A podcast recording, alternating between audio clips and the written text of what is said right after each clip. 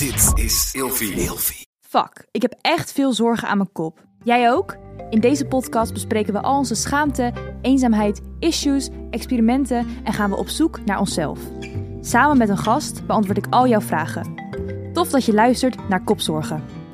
Middelteunis. Hallo. Hi. Ja, je volledige naam. Ja, Ja. dan weten mensen ook gelijk eh, wie hier zit. Middelteunis. Ja. Ja, ik vind het echt wel leuk dat je er bent. Welkom bij Kopzorgen. Dankjewel. Leuk dat ik hier mag zijn. Ja, jij gaat vandaag veel ja, advies geven, luisteraarsvragen beantwoorden. Ben je er met je klaar voor? Ja, ik heb er zin in. Ja, heb heb je een beetje mentaal voorbereid op... eh, ja, nee, ik denk altijd maar, we gaan het gewoon doen. En dan zien we het wel. Heb jij geluisterd naar de podcast of heb je iets gezien? Ik heb ervan? zeker, ik zeg het vanmorgen nog, eh, je hebt er ook eentje met Thijs, toch? Thijs Lindhout? Ja, die klopt. heb ik een beetje zitten kijken. Heb jij hem ook in de podcast gehad? Nee, Of- staat wel op mijn lijstje nog. Maar wel met hem gepraat of, of ook niet? Nee, ik vind hem gewoon heel tof. Ja, ik vind hem ook heel tof. Ja, hij praat zo lekker enthousiast en passievol. Dus ik dacht, oh, even kijken. En voor mijn gevoel ook een van de weinige mannen die een Oprecht. beetje in het zelfontwikkelingslandschap zich profileert, als ik ja, het zo kan ja zeggen. nee, echt. Ik denk dat er meer vrouwen zijn. Dus ik vind het ook altijd leuk om vanuit die invalshoek wat te horen. Ja, Thijs en ik hadden wel een beetje, was, het was een goed gesprek, maar het was wel, we hadden een klein beetje een clash of zo ergens. Ja? Omdat we allebei, nou ja, toch wel best wel pittig zijn, denk ik. Mhm. En op een gegeven moment zei, had hij een paar dingen gezegd en toen zei ik van, hè, maar nu spreek je jezelf eigenlijk heel erg tegen. En dan, kan- dan kan ik best wel confronterend zijn. En toen, Oh, dus ik moet me voorbereiden. Nou, ik, ik denk het niet, want jij bent juist heel, voor mijn gevoel, wat ik van jou heb gezien, heel rustig en Ja. heel... Oprecht, ja, op zich wel. Dus ja. dan merk ik dat ik daar ook wel in meega. Maar ik zal, ja, weet je, als je dat wil, ik, ik kan het doen. Ja. Ik kan heel kritisch zijn. Hey, ik ga je eerst even introduceren, want jij bent transformatiecoach, hypnotherapeut, zeg ik dat goed? ja, zeker. Auteur van het boek Self Love Talk en je hebt ook een podcast met ruim 380.000 luisteraars. Ja. Wat echt bizar is. Ja, ja, als ik daar soms over nadenk, denk ik, wow, wat luisteren er veel mensen. Maar heb je ook dat je dan dat cijfertje ziet en dan denk je van, oh ja, het zal wel. Terwijl eigenlijk, dit is echt bizar veel. Maar ik, dan, je kijkt ernaar en je ziet geen gezichten. Dus je denkt, nou, Ja, nee, maar dat is echt, je moet jezelf daar echt aan soort van helpen herinneren. Want als ik dat cijfer zie van, eh, ik zei net al tegen jou, volgens mij sinds twee jaar heb ik echt fulltime de podcast. Dus dan ben ik ook structureel gaan uploaden. En dan zie je dat cijfertje en dan denk je, oh mooi, maar je hebt het, het, het voelt bijna alsnog heel klein. Terwijl als je al die mensen bij elkaar zou zeggen, dat is natuurlijk bizar. Maar heb je ook wel eens nagedacht om bijvoorbeeld een live event te gaan doen of iets in die richting? Om dan... Lijkt me op zich leuk in de toekomst, ja. Ik zou alleen nog niet zo goed weten hoe. Maar ik merk wel, het is wel ook heel leuk om die verbinding in het echt te hebben. En want nu is het soort van ik geef en mensen luisteren dat. En natuurlijk sturen ze me berichtjes. Dat vind ik ook heel leuk. Dan denk ik, oh, jij luistert dus. Maar het lijkt me wel heel leuk in de toekomst. Maar jij hebt natuurlijk superveel je verdiept in zelfliefde. Ja. En daar gaat jouw boek ook over. Daar gaan we ook veel vragen over beantwoorden vandaag. Eh, maar je bent natuurlijk coach en ik ben benieuwd, wat is de meest gestelde vraag die je krijgt over dit onderwerp? Hmm. Ik denk een van de onderwerpen die altijd wel heel veel speelt is zelfvertrouwen. Daar krijg ik altijd best wel veel vragen over. En dan niet per se van hoe krijg ik meer zelfvertrouwen. Maar dat mensen wel vaak struggelen met hoe kan ik nou soort van dat ijzersterke vertrouwen in mezelf hebben? Of hoe zorg ik ervoor dat ik niet meer zo beïnvloedbaar ben of afhankelijk ben van de bevestiging van anderen? Dat is gewoon menselijk. We hebben dat allemaal in ons. Alleen we worstelen daar ook heel erg mee. Van hoe kan ik er nou voor zorgen dat ik gewoon in mezelf vertrouw en in het leven aan zich, zonder dat ik continu bezig ben met: oké, waar moet ik aan voldoen? Wat vinden anderen van mij? Of krijg ik wel de bevestiging dat ik daarin goed genoeg ben? Dus dat is altijd wel een soort ja, rode draad die door heel veel vragen loopt. Maar dat lijkt me wel lastig, want kijk, als je die vraag in je coaching sessies krijgt, denk ik, oké, dan heb je langdurige tijd om daarop in te gaan. Maar als je die vraag in je DM krijgt en je moet kort antwoord geven, zeg je dan ook van, oké, het is een langdurig proces, of heb je daar wel een kort antwoord voor klaarstaan? Ja, het meeste wat ik doe is vragen stellen. Omdat ik het antwoord wel kan geven, maar het is bij iedereen wel anders. En zeker wel hoor, in de coachingstrajecten die ik heb, dan gaan we daar echt de diepte op in. En dan gaan we er ook echt voor zorgen van, hé, hey, wat is eigenlijk de wortel van dat probleem bij jou? Wat het menselijk is dat we validatie zoeken van buitenaf. Dat is dat stukje oerbrein dat vroeger vond van, we moeten bij de groep horen. Want als je niet bij de groep hoort, dan overleef je letterlijk niet in het wild. Dat hebben we ergens nog steeds. Helemaal niet meer nodig, maar we hebben dat nog steeds. Dus we willen ook heel graag validatie. Nee, vind je dat niet meer nodig? Nou ja, in principe hebben we het niet nodig om te overleven. Ja, vind je dat? Ja, Ik twijfel daar dus wel over. Ja, niet met eten en slapen en een huis, maar wel, ik bedoel, zonder liefde. Wat, precies. Ja. Dus die verbinding die vinden we heel belangrijk. Alleen mag er een bepaald balans zijn tussen mag ik mezelf zijn en erbij horen. Terwijl vroeger was het natuurlijk van oké, Uh, je zwaktes moet je verbergen en je moet kunnen voldoen aan de verwachtingen ook van anderen. Of je moet laten zien hoe sterk je bent. Want dan pas hoor je erbij. En dat was wat je bevestiging gaf, dat je het overleeft. En in deze tijd gaat het veel meer over, mag jij ook jezelf zijn? En hoef jij niet continu te voldoen aan alle verwachtingen, ook die jij voelt, die er misschien niet helemaal zijn, maar die jij voelt van buitenaf. Waardoor je voelt, ik ben veilig genoeg om die verbindingen aan te gaan. Of om mijn eigen pad te kiezen. Dus er zit een soort nuance in. Want wat jij zegt, we vinden het heel belangrijk om die verbinding te hebben.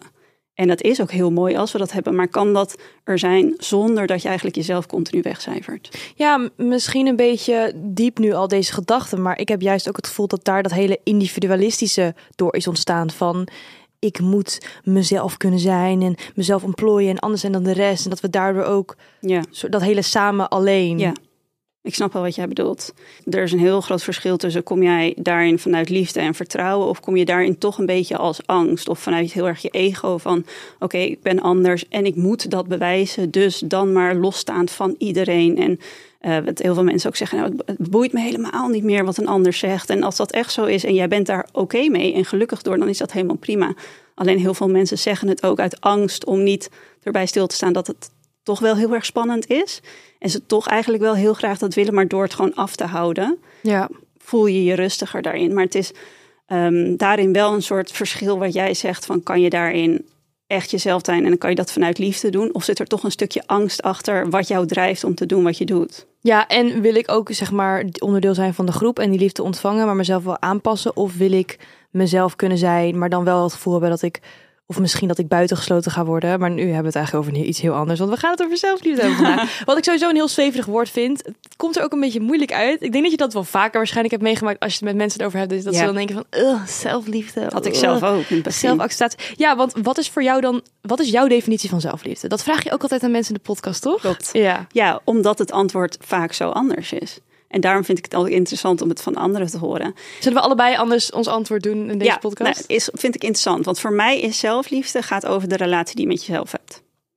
Wat is jou? Oh, dat is letterlijk. Dat is, dat is het letterlijk. Nou, ik dacht, ik kan er nog heel veel over nadenken. Dus klaar. Uh, ja, ik heb er dus eigenlijk bijna niet over nagedacht. Ik denk dat het voor mij een stukje zelfacceptatie is. En ook een stukje uh, eigenwaarde omdat ik denk van, oké, wat gun je jezelf? En dat is ook waarom ik het interessant vond om jou uit te nodigen. Ja. Omdat ik denk van, ik kan me niet voorstellen dat jij compleet nu helemaal van jezelf houdt en alles aan jezelf fantastisch vindt. En dat, dat, dat is natuurlijk helemaal niet realistisch. Maar dat is wel iets wat jij preached, ja. vind ik. Dus dan denk ik van, in hoeverre is dat echt zo? Ja. En in hoeverre is het ook gewoon een bepaald, ja, ik wil niet zeggen beeld wat je van jezelf neerzet, maar snap je, snap je wat ik bedoel? Ja. ja. mijn vraag ook. Nou ja, mooi ook dat je dat zegt, want ik denk ook, en dat kom ik heel vaak tegen al, daarom zeg ik de relatie die je met jezelf hebt. Dat gaat bij mij en wat bij heel veel mensen wel daarover gaat, gaat het over toch een stukje perfectionisme wat ze daarin zoeken. Dus zelfliefde is compleet content met jezelf zijn. En ondertussen wat er dan blijft, vaak blijft hangen is dat als je bij die stukjes komt waar je niet content bij bent, dan ga je toch daar een, zeg maar, een oordeel op hebben van dat is dan geen zelfliefde. Terwijl voor mij is, welke relatie wil jij met jezelf hebben? Voor mij is dat compleet mezelf kunnen accepteren zoals ik ben. En daarin ook dus de fouten die ik bijvoorbeeld maak. Of de stukken van mezelf die ik tegenkom die ik niet leuk vind. Of iets wat ik doe en dan denk ik, oh wat gênant. Of daar baal ik van. Hoe ga je op dat moment met jezelf om? En dat is wat jij ook mooi zegt. Voor mij is dat zelfacceptatie. Dus dat is ook wel als ik mensen coach op persoonlijke ontwikkeling. Zelfliefde is een soort van altijd de rode draad. Zonder dat ik hem, heel vaak benoem ik hem gewoon door een heel traject niet. Maar ik zorg er wel voor dat ze steeds die relatie met zichzelf versterken. Dus hoe communiceer je met jezelf? Hoe ga je met jezelf om? Hoe wil jij met jezelf omgaan op de momenten dat je even van jezelf baalt? Dat je het helemaal niet leuk vindt. Maar heb je dan ook dat je een keer iets zegt tegen iemand en dat je daarna wegloopt en denkt: Oh my lord, waarom zei ik dat? Ik ben zo dom. Gewoon. Of, heb je, of zeg je dan: Oké, dat was misschien geen slimme opmerking, maar het volgende keer beter, weet je wel? Ja, ja, ik zal niet snel tegen mezelf zeggen dom. Ik denk ook omdat dat woord een beetje voor mij een beetje de lading heeft verloren. Want denk ik, wat is dom eigenlijk? Ja, dat is ook maar een labeltje dat we eraan hangen. En dat komt heel erg vanuit die kritische mind van, oh, je hebt het niet goed gedaan. Nou ja, dat kan ik dan voelen. Dat ik dan merk, oh, dit, dit voelt niet goed. En ik heb het idee dat ik dat eigenlijk dus niet goed gedaan heb. Uh, waarom vind ik dat? Dat is ook altijd een hele belangrijke vraag om jezelf te stellen. Waarom vind je het dom? Of wat heb je dan niet goed gedaan volgens jezelf? En heel vaak zit er dan ook achter van, oh ja, ik heb eigenlijk, zit er heel vaak angst achter van, ja, ik heb niet de bevestiging gekregen, of ik ben bang dat diegene me niet leuk vindt, of er kan van alles achter zitten. Dus ik ga altijd heel erg terug naar, oké, waarom vind ik dat dan? En dan kan ik ook heel eerlijk tegen mezelf zijn. Ik denk dat die eerlijkheid, dat die eerlijkheid er mag zijn, dat helpt mij enorm. Dat ik gewoon heel eerlijk kan denken, oh ja, ik baal daarvan. Nou, ik vind dat echt niet slim dat ik dat gedaan heb, want ik geef diegene misschien het gevoel die ik diegene niet wil geven, bijvoorbeeld. Maar dan kan ik heel snel tegen mezelf zeggen van oké, wat kan je hiermee doen? Wil je daar misschien nog op ingaan naar diegene, bijvoorbeeld? Of is dit iets waar je van leert? Mag je hier even gewoon een rotgevoel over hebben? Laat je het dan weer los en dan gaan we weer door.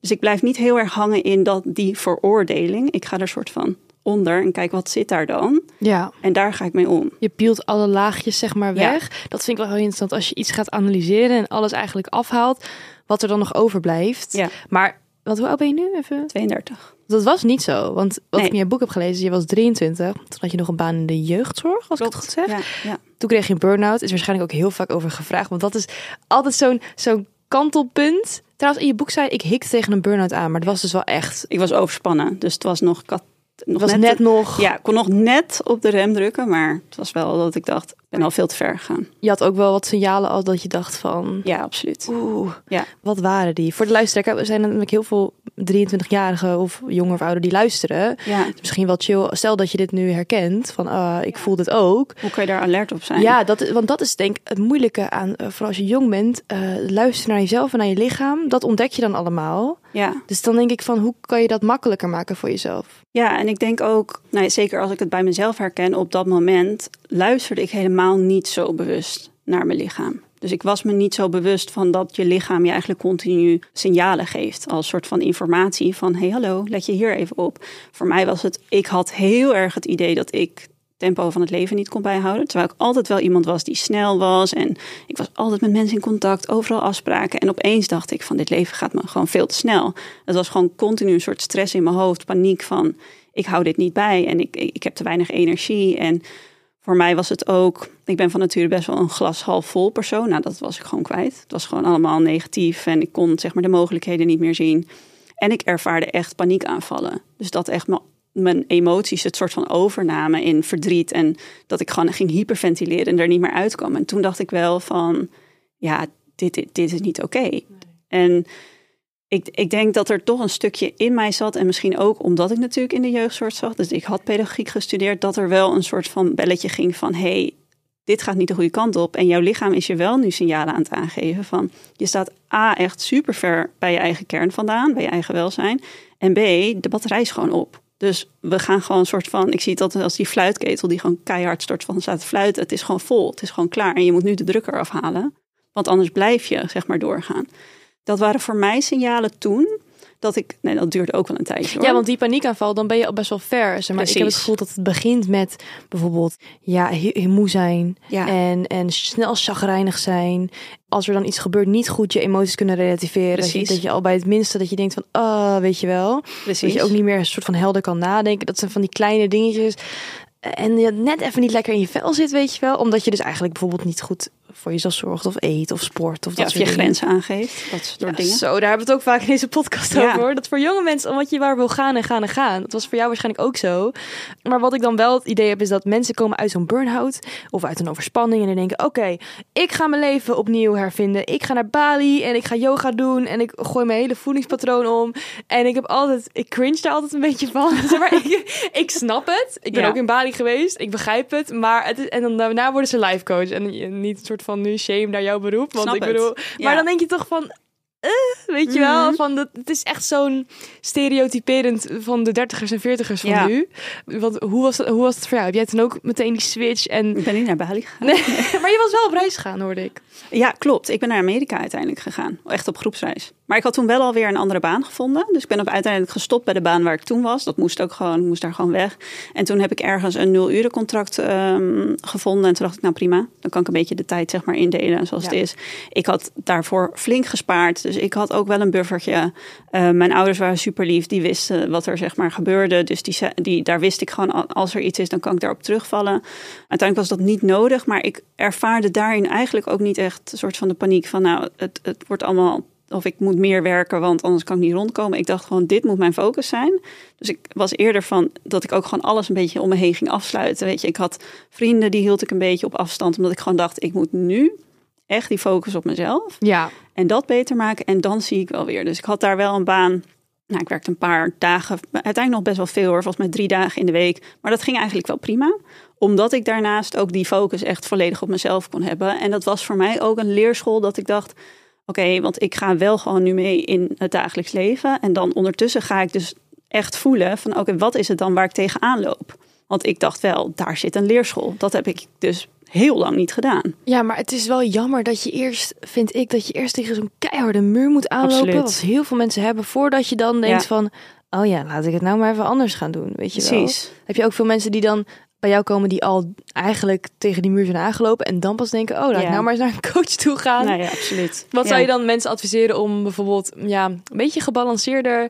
eh, want we hebben het nu over balans, we hebben het over grenzen. Maar voor mij is dat ook een onderdeel van zelfliefde. Ja. Of met jezelf rekening houden. En het is niet alleen maar dat beeld van... oh, ik ga in een bubbelbad zitten met een chocoladereep... wat jij ook in je, in je boek beschreef. Precies. Hoe zou je de band met jezelf kunnen versterken... terwijl je ook die dingen doet terwijl je ook druk bent? Want Ja. er zijn heel veel mensen. Precies, en dat is ook soms gewoon het leven. Dus het is niet. Kijk, er wordt ook over selfcare of zelfliefde wel heel vaak gezegd van rust moet soort van er altijd zijn. Nou, we weten ook wel in het leven dat er gewoon van die periodes zijn dat je gewoon even voor je gevoel helemaal meegaat in die red race van het leven. En ik vond het heel mooi. Jij zei dat in het begin. Wat gun ik mezelf? En ik zei het ook al in het begin van ik stel meestal dus vragen. En dat is eigenlijk wat ik mensen ook altijd vraag om bij zichzelf te doen. Van ga jezelf eens de juiste vragen stellen omdat we vaak dus heel erg bezig zijn met wat verwacht de buitenwereld van mij? Hoe kan ik daaraan voldoen? Wat, wat moet ik allemaal doen om bepaalde doelen te bereiken? En dat bedoel ik met die relatie met jezelf. In het boek omschrijf ik dat natuurlijk ook vergelijk het maar eens met een relatie met je beste vriendin of met je moeder of je zus of een vriend. Die gun jij het beste. En daar gaat het om. Jij zal altijd tegen diegene zeggen van hé, hey, maar als je nu zo druk bent, wat zou je anders willen? Of wat is er nu eigenlijk echt belangrijk voor jou? Ja. En wat heb jij nodig om je helemaal goed te kunnen voelen? Dus niet dat je uit een leeg emmertje continu probeert water te scheppen, maar gewoon dat jouw emmertje ook soort van half vol is altijd. Hoe kan jij zorgen dat dat balans erin in blijft zitten? En door continu dat soort incheckmomentjes bij jezelf eigenlijk te creëren, kan je ook heel goed gaan luisteren. Oh ja, wat is daarin het antwoord? En kan je eerder gaan opmerken van, ja, ik merk dat ik hier tegenaan loop. Oh, ik merk dat ik eigenlijk nu te hard aan het rennen ben. Ik heb rust nodig. En dan is het ook echt zelfliefde om het te gaan doen. Want bij zelfliefde staan we heel vaak, als ik, dat is ook grappig als ik vraag aan mensen, wat betekent zelfliefde voor jou? Dan zeggen ze heel vaak dingen als, oh, nou dan sta ik vol zelfvertrouwen in het leven. En dan zeg ik ook heel vaak, ja, dat is super mooi, maar dat is het resultaat.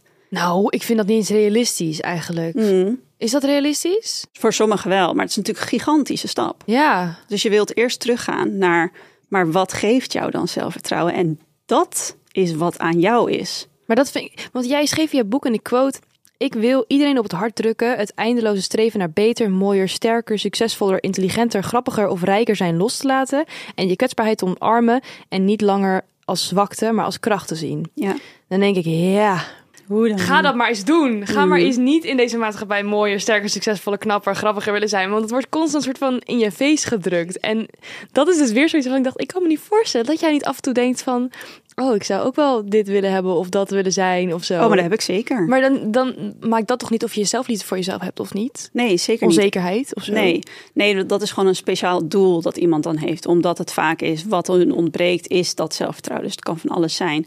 Nee, ik denk ook dat dat dus heel mooi is. En dat heel mooi dat je dat aankaart. Omdat er inderdaad heel vaak gezegd wordt over zelfliefde of ehm, spiritualiteit. Dat je dan alles maar loslaat en dat je helemaal niks meer En wil. verlicht bent. Ja, nou, Ja. Dat ben, ik ben denk ik, als mensen mij zouden omschrijven van al mijn vrienden, de meest ambitieuze persoon die ze kennen. Dus ik heb heel veel doelen en ik wil heel veel. Ik denk dat er een verschil is tussen of jij dat wil vanuit een plek van dat jij al heel erg content bent met hoe het nu is. En of jij al jouw waarde hangt aan dat hetgeen wat jij wil. Ik heb heel veel doelen en ik wil daar naartoe.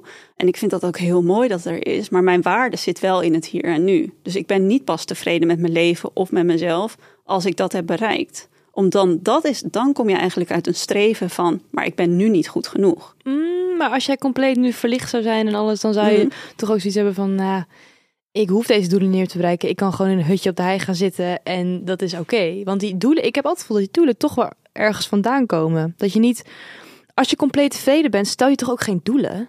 Of zie jij dat anders? Ja, dat zie ik wel echt anders. Omdat het, ik vind dat super leuk om daaraan te werken. Dus het maakt mij in die zin soort van gelukkig. Het verrijkt mijn leven. Maar het boost ergens ook wel je ego, denk ik. Dat kan, ja. Ik denk sowieso het ego, hè, vind ik altijd wel een beetje een, een een moeilijk begrip. Ja, ja wat is het nou ego nou precies? Het ego kan ook heel erg komen van... kan jij daarin super trots zijn op de dingen die je bereikt... en mag jij jezelf dan een paar veren in je reet stoppen... wijs van, ik denk, ja, doe lekker. Ja. ja, tuurlijk, waarom niet? Je hebt daar toch hard voor gewerkt? Uh, maar een ego kan ook heel erg zijn van... oké, vanuit die kritische stem heel erg van... je moet dit doen en je moet jezelf bewijzen. En dat komt vanuit een heel ander soort drive van binnen...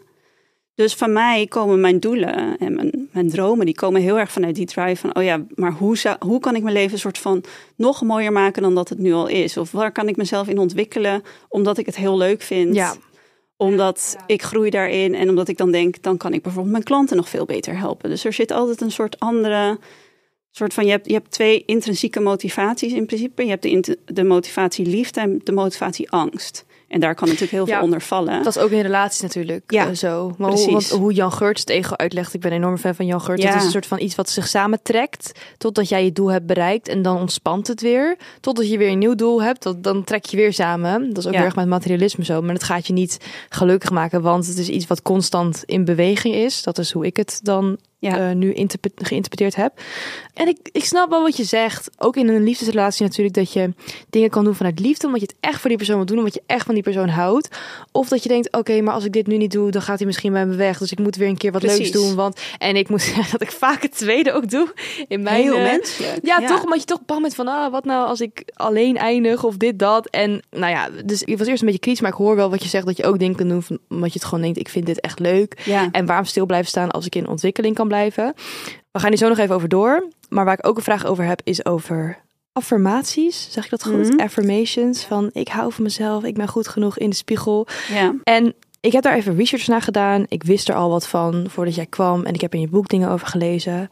En wat ik me daarbij afvraag is bijvoorbeeld als je in de spiegel zegt ik ben goed genoeg of ik hou van mezelf, dat ik dacht van oké, ja, maar kan dat niet juist ook averechts werken? Want het zou ervoor moeten zorgen dat je een goed gevoel over jezelf krijgt. Ja. Maar door jezelf constant te confronteren met ik ben goed genoeg, dit, dat.